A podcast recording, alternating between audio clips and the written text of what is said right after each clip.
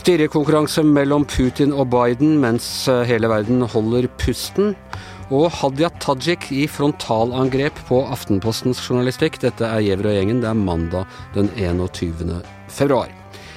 Ja, uh, Gard Steiro, sjefredaktør i VG, hjertelig velkommen til, uh, tilbake til Gjever og gjengen. Tusen takk. Alltid hyggelig å komme hit. Som du sa på, på din uh, helgeoppsummering i morges, uh, verden står på randen av krig, og det er avslutning av OL og litt av hvert. Men blant oss journalister så er det bare én sak som egentlig har gildt denne helgen, og det er altså at uh, statsråd og nestleder i Arbeiderpartiet Hadia Tajik gikk på Facebook på fredag kraftig ut mot våre kolleger i Aftenposten. Ja, det var en veldig uvanlig, vil jeg si, uh, reaksjon fra en eh, statsråd. Vi er jo vant til at politikere og personer som kan utsettes for kritisk journalistikk, at de bruker sosiale medier i forkant av en publisering. Men det er nokså uvanlig at en statsråd gjør det samme. Det er ikke, hun gjør egentlig ikke noe sånn galt, men det er litt brudd på den kutymen man egentlig har mellom pressen og veldig sentrale politikere. Ja, og det hun, altså Vi kan eventuelt komme litt inn på selve saklighetsinnholdet i, eller fakta i, i saken etterpå. Det er altså en av disse mange sakene om pendlerboliger for stortingsrepresentanter. Men det hun da gjorde, var før eh, Aftenposten hadde publisert noe, og de har fortsatt ikke publisert noe om denne saken, går ut og på en måte snudde rollene. da. Det er hun som ble mediene, og så ble eh, Trine Eilertsen, sjefredaktør i Aftenposten på en måte eh, holdt jeg på å si medieoffer, eller kilden, som måtte ut og, og forsvare eh, hva hun hadde gjort. Det er en ganske snedig eh, mediestrategi og håndtering fra, fra Hadia Tajiks side? Ja, det er det. Eh, og det, er en, eh, det, som er underlig med denne saken, er som du sier at Aftenposten har ikke publisert noe som helst i saken. Uh, Tajik sier det at Aftenposten har gitt beskjed om at de skal publisere. og Hun har gitt et svar til Aftenposten, og så velger hun å publisere det svaret og gi sin versjon av saken eh, uten at noe som helst er kommet på trykk i Aftenposten. Og Da kommer jo Aftenposten litt på hælene, sant? Uh, dels fordi de er utsatt for veldig sterk kritikk. Tajik tar jo i, vil jeg si. Noen kaller dette for en presseskandale. Eh, mens Aftenposten blir jo da, som du sier, eh, som du sier her, eh, havner i en veldig vanskelig posisjon. For de kan ikke forsvare noe de har publisert engang. De skal bare forsvare at de har stilt spørsmål, egentlig. Og saken dreier seg jo Jeg vet ikke om denne saken er stor eller liten, men den dreier seg altså om at Tajik har bodde i pendlerbolig i tre måneder i forbindelse med at hun solgte en leilighet i Oslo. Og Det kan jo være interessant å belyse, syns jeg. Men så er Tajiks poeng da at ved å skrive om dette, så må hun da eh, fortelle om sin sikkerhetssituasjon. For hun mener det er det som er begrunnelse for at hun bodde i pendlerleilighet i tre måneder. Det var at det var ikke trygt for henne å bo i den leiligheten hun skulle selge, eller at hun ikke hadde andre alternativer. Og så har hun da benyttet den makten sosiale medier gir. Det er jo litt uh, Trump, uten sammenligning for øvrig. Jeg husker han, han, sa om Twitter at det var litt som å eie The New York Times, uh, bortsett fra alle de store tapene. Uh, hun kan, hun kan publisere og nå like mange lesere gjennom sosiale medier som, som det Aftenposten gjør via sin avis.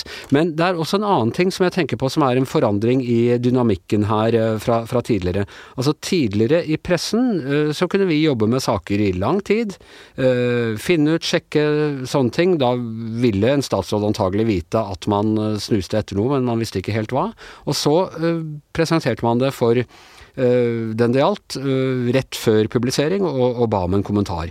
Nå er, foregår det nærmest sånne samarbeid altså man, man, varsler tidlig hva man setter i gang med. Man, eh, man skjønner at Aftenposten og, og eh, Hadia Tajik har hatt lang utveksling frem og tilbake, spørsmål, svar, legge fram, og det, de er uenige om hvor mye hun har svart og, og ikke. Og så er det egentlig bare sånn, så tar hun dem på målstreken ved, ved å publisere før dem. Er dette eh, også en, liksom, en, effekt av det at pressen på en måte har blitt eh, snillere mot eh, makta. Flinkere til å, til å eh, gi eh, maktpersoner innsyn i hele prosessen? Ja, altså Jeg vil ikke si at mediene har blitt snillere, men mediene har blitt proffere, eh, vil jeg si, og ryddigere. Det man gjør, Dette, dette er jo på et punkt i Vær varsom-plakaten som kalles samtidig imøtegåelse. Og jeg vil si at For en del år siden så ble det praktisert på den måten av mange redaksjoner at man jobbet i månedsvis med en sak, eller ukevis eller dagevis. Og når man var klare til å publisere den saken, så eh, ringte man opp den som var utsatt for kritikk, for å få eh, noen linjer på vedkommende svar. Det eh, de fleste seriøse redaksjoner gjør i dag, er jo at man, man har en mye mer åpen linje inntil den som utsettes for kritikk. Og Grunnen til det er at man er oppriktig mer interessert i å høre hva vedkommende sier. Lytte til vedkommendes versjon, sjekke om det vedkommende stemmer, og se om det kan påvirke hvordan, om denne saken skal publiseres, eller hvordan den eventuelt skal se ut. Og Det Tajik gjør her, er jo at hun kortslutter denne prosessen. Sant? Hun, altså Aftenposten spiller med ganske, virk, fremstår iallfall spiller med ganske åpne kort med henne. De gir henne lang tid, og det virker jo som dialog Du sier det har vært en dialog, men den virker jo ganske dårlig, da, for de har jo ikke møttes ansikt til ansikt en eneste gang. Og så velger hun å gå ut på denne måten. Og Det som er litt risikoen med det, tror jeg fra Tajiks side, og som politisk skal tenke over, er at ved å opptre på denne måten, så vil jo de potensielt føre til at disse, disse samtidige møtegåelsene blir mer tilknappet. At de blir kortere tidsfrister. At mediene da må tenke at med en gang vi har stilt dette spørsmålet, så kan det gå rett ut på Facebook. Så det er jo nedsiden av måten Tajik opererer på her. Selv om hun i sin fulle rett til å gjøre det. Ja, eh, Nå er jo ikke, si som de sier i Dagsnytt 18, Hadia Tajik er ikke her. Hun kommer i morgen, så hun, eh, hun skal få, om ikke samtidig imøtegåelse her, så i hvert fall eh, tilsvarsrett på, på, vår saksfremstilling. Men jeg, lurer på akkurat det, altså. altså hva, eh, dette må jo være enhver person, enten man er statsråd eller vanlig borger, sin rett, det. Man blir kontaktet av pressen, man blir stilt en rekke spørsmål som man kanskje opplever som både mistenkeliggjørende, ubehagelige, uh, urettferdige, hva vet jeg. Og så sier man jeg, jeg legger fram dette her uh, selv uh, på forkant, og så kan andre bedømme. det er ikke noe sånn det er ikke sånn at vi kan forlange at de skal danse etter våre regler. Nei, på ingen måte. Vi, vi, kan ikke forlange det, og vi skal heller ikke forvente det. Og jeg tror bare at vi journalister må tilpasse oss en ny virkelighet der dette kommer til å skje. Og jeg tror at den, eh, Det er noen som spør liksom, om dette forrykker maktbalansen mellom myndighetspersoner og mediene. Det er jeg litt usikker på om vi skal eh, si at det forrykker noe maktbalanse. Jeg tror vi bare skal være innstilt på det at, at moderne journalistikk den er mye mer transparent enn den var tidligere. Og at man må tåle en debatt om metodebruk, om alle spørsmålene man stiller, og at denne foregår en del i, i sosiale medier. Så jeg, det er ikke sånn at jeg er veldig kritisk til det Hadia Tajik gjør eh, her, egentlig. Hun er i sin fulle rett til å gjøre det. Men jeg tror kanskje at vi skal tenke over at resultatet kan bli en dårligere journalistikk av det. Eller iallfall en vanskeligere journalistiske prosesser. Som kan føre til kortere tidsfrister, eventuelt flere feil. For det er et gode at det er en åpen dialog mellom de som utsettes for kritikk, og journalistene som jobber med saken. Som jeg altså si at altså, Hadia Tajik, eh, som jo er gammel journalist, hun har jobbet her bl.a. I, i VG sin tid, uh, hun har jo sagt at, at hun eh, skjønner uh, de tingene. Hun gjør dette bare fordi hun mener at denne saken var spesielt alvorlig, fordi den berørte hennes, uh, hennes sikkerhet. Og så hadde jo VG også en sak i helgen om Hadia Tajik og, og pendlerleilighet. og det var en annen sak, altså lå lenger tilbake i tid. Uh, Eh, da hun var politisk eh, rådgiver eh, i regjeringen for en 12-15 år siden, så, så, fikk hun en pendlerbolig, og så fikk hun først beskjed om at hun måtte skatte om det. Da kom hun opp med en uh, leiekontrakt som viste at hun allerede uh, betalte for en annen, uh, og, og, og, dermed skulle, ikke skulle trekkes skatt av det. Hvordan vurderer du da den saken vi nå har publisert i lys av denne? Drukner den saken da litt i den andre saken? Eh, ja, det gjør han jo foreløpig, i alle fall. Eh, to, for det første er det viktig å si at det er to helt ulike saker. Det er samme person, men de er, de er helt ulike. Det er som, to, som du sier, to ulike tidspunkt og helt ulike problemstillinger, sånn som jeg vurderer det knyttet til pendlerboliger. VGs sak ligger langt tilbake i tid, men er gjennomdokumentert og har jo lik du kan se likheter mellom den og Ropstad-saken, eh, det vi har avdekket. Selv om de, de, har noen likhetstrekk, de to sakene, som jeg syns er interessante. Og eh, Tajik sier jo sjøl at det VG har avdekket, det fremstår fra hennes side uryddig, det hun har gjort. Og hvor alvorlig det er, det vil jo tiden vise, og det får andre vurdere. Men det er interessant, syns jeg, i måten politisk journalistikk foregår på i dag, og måten mediekritikk og politisk journalistikk på en måte sauses sammen. At det som er dagens store sak, og det som var diskutert på Politisk kvarter i dag tidlig, var jo om Aftenposten hadde begått en presseskandale. Ikke det faktum som VG hadde eh, brakt til torgs. Altså, man diskuterte noe som ikke var publisert ennå, mens det som allerede er publisert, og som ligger på bordet som man kan diskutere, det havner litt i skyggen.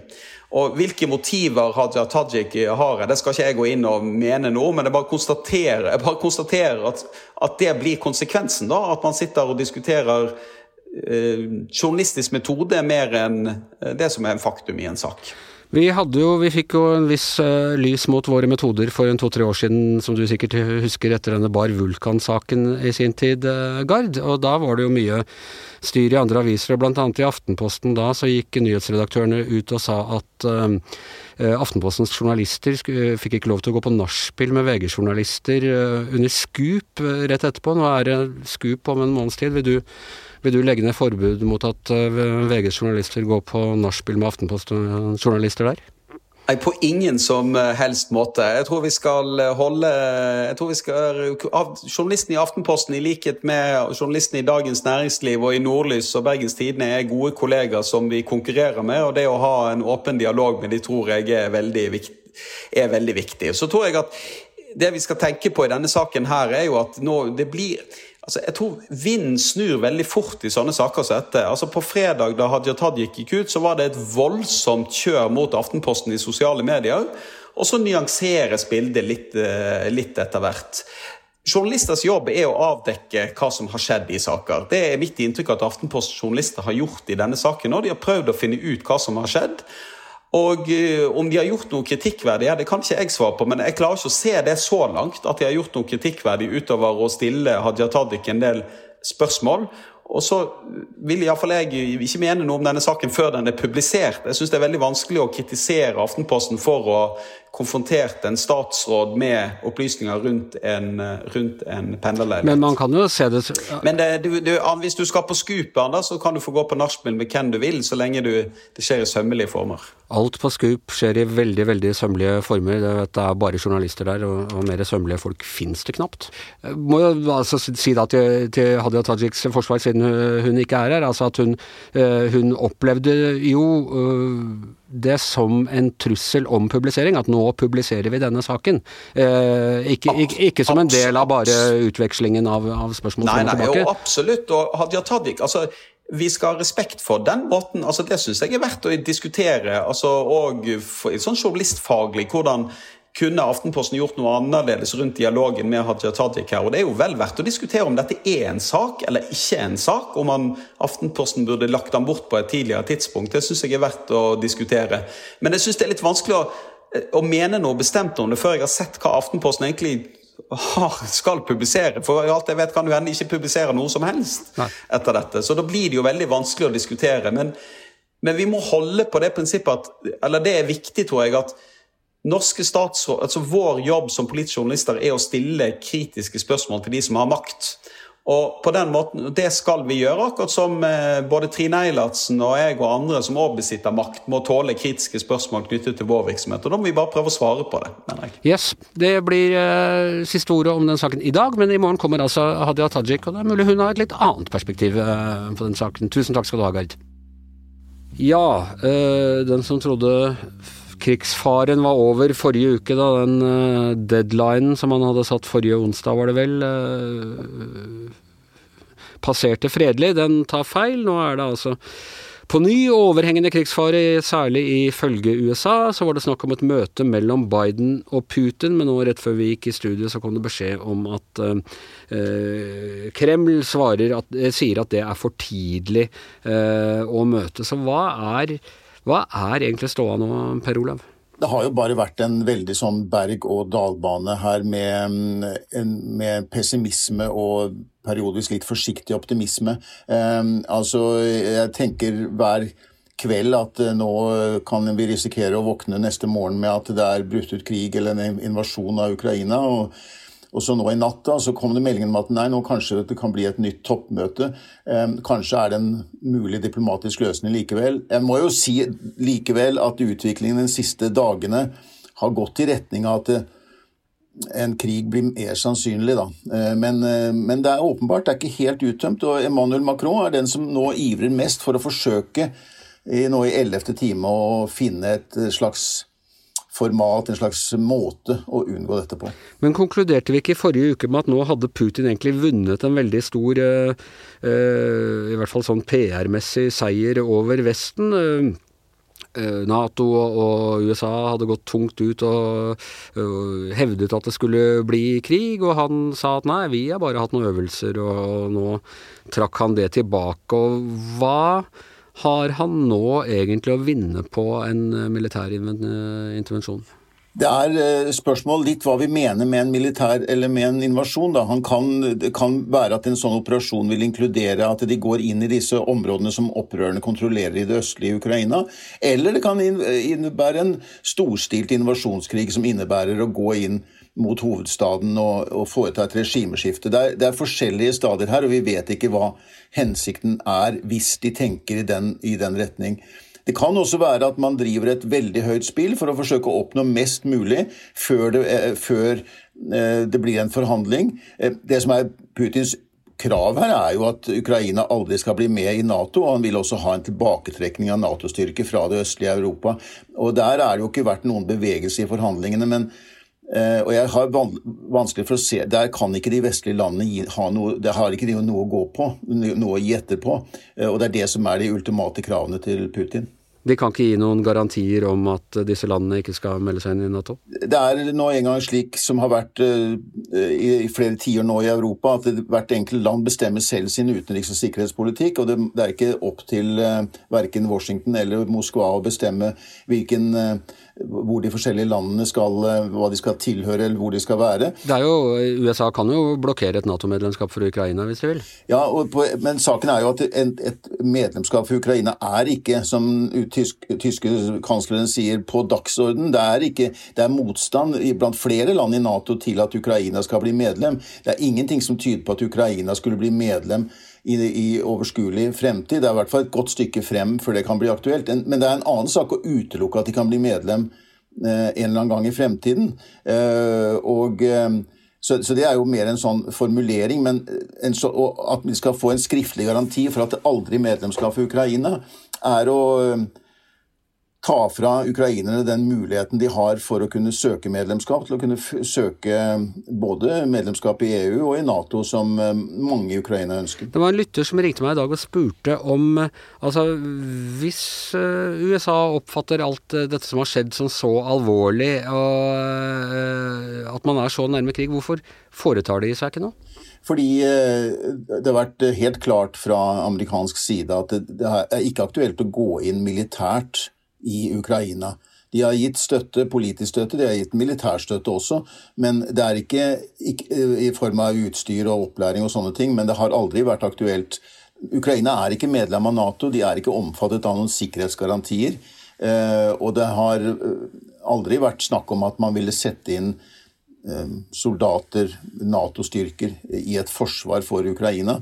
Men man har jo vært desto viktigere å forsøke å arbeide for å hindre at det skulle bli en slik krig. Uh, og hva er, altså Nå er det Macron som på en måte har uh, initiativet. Tror du at uh, Putin vil gå med på et møte? Ja, Det som de sier i Kreml, er jo at de, de, de støtter jo denne planen om at de to utenriksministrene, altså Sergej Lavrov og Anthony Blinken, de skal møtes sannsynligvis på torsdag.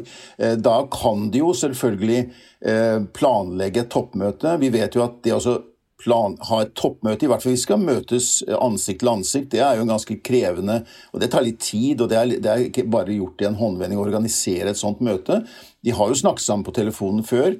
Um, så det kan jo være at det er en, en, en mulighet. Det er også snakk om Macron har jo også forsøkt å få til et møte hvor både Russland og Ukraina og Organisasjonen for sikkerhet og samarbeid i Europa eh, kan delta på et sånt felles møte for å diskutere Eh, denne 500 km lange grensen som er mellom de opprørskontrollerte områdene og Ukraina. Det er det som på en måte har vært Det er der kampene har vært i det siste. Det er der det har vært veldig uro.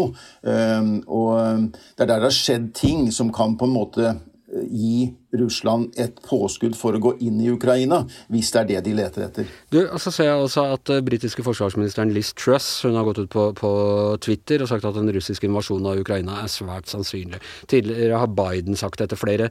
Uh, hvorfor går de ut og er så bombastiske? Altså Er det sånn uh, fordi de ønsker å kunne si sånn hva, hva sa jeg? Men bidrar ikke dette i seg selv til å øke spenningen?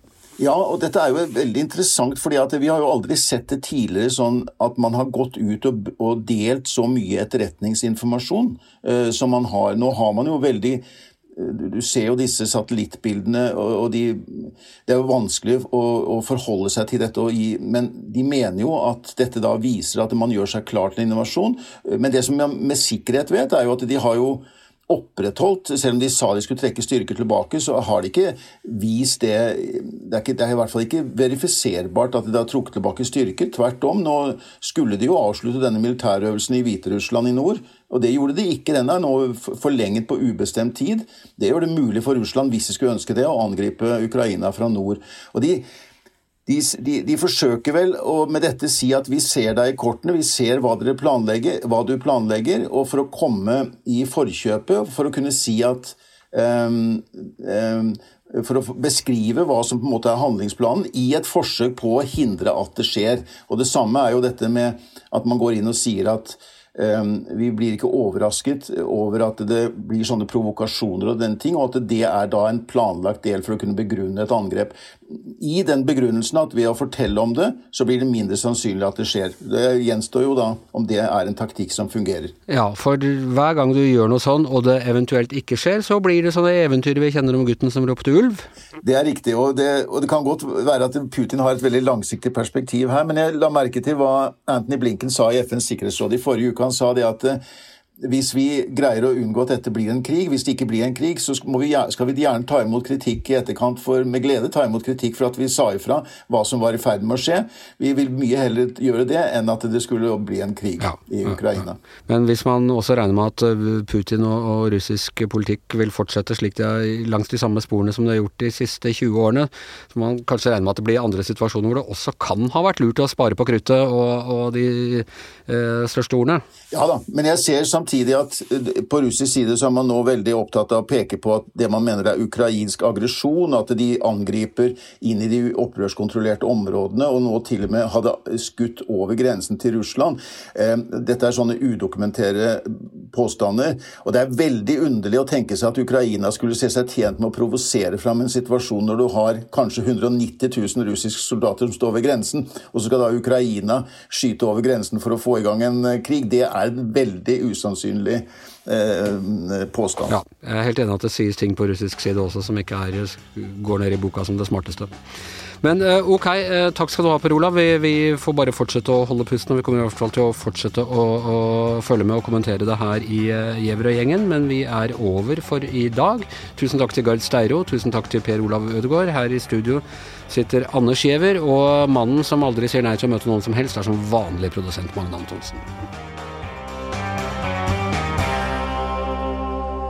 Du har hørt en podkast fra VG. Ansvarlig redaktør, Gard Steiro.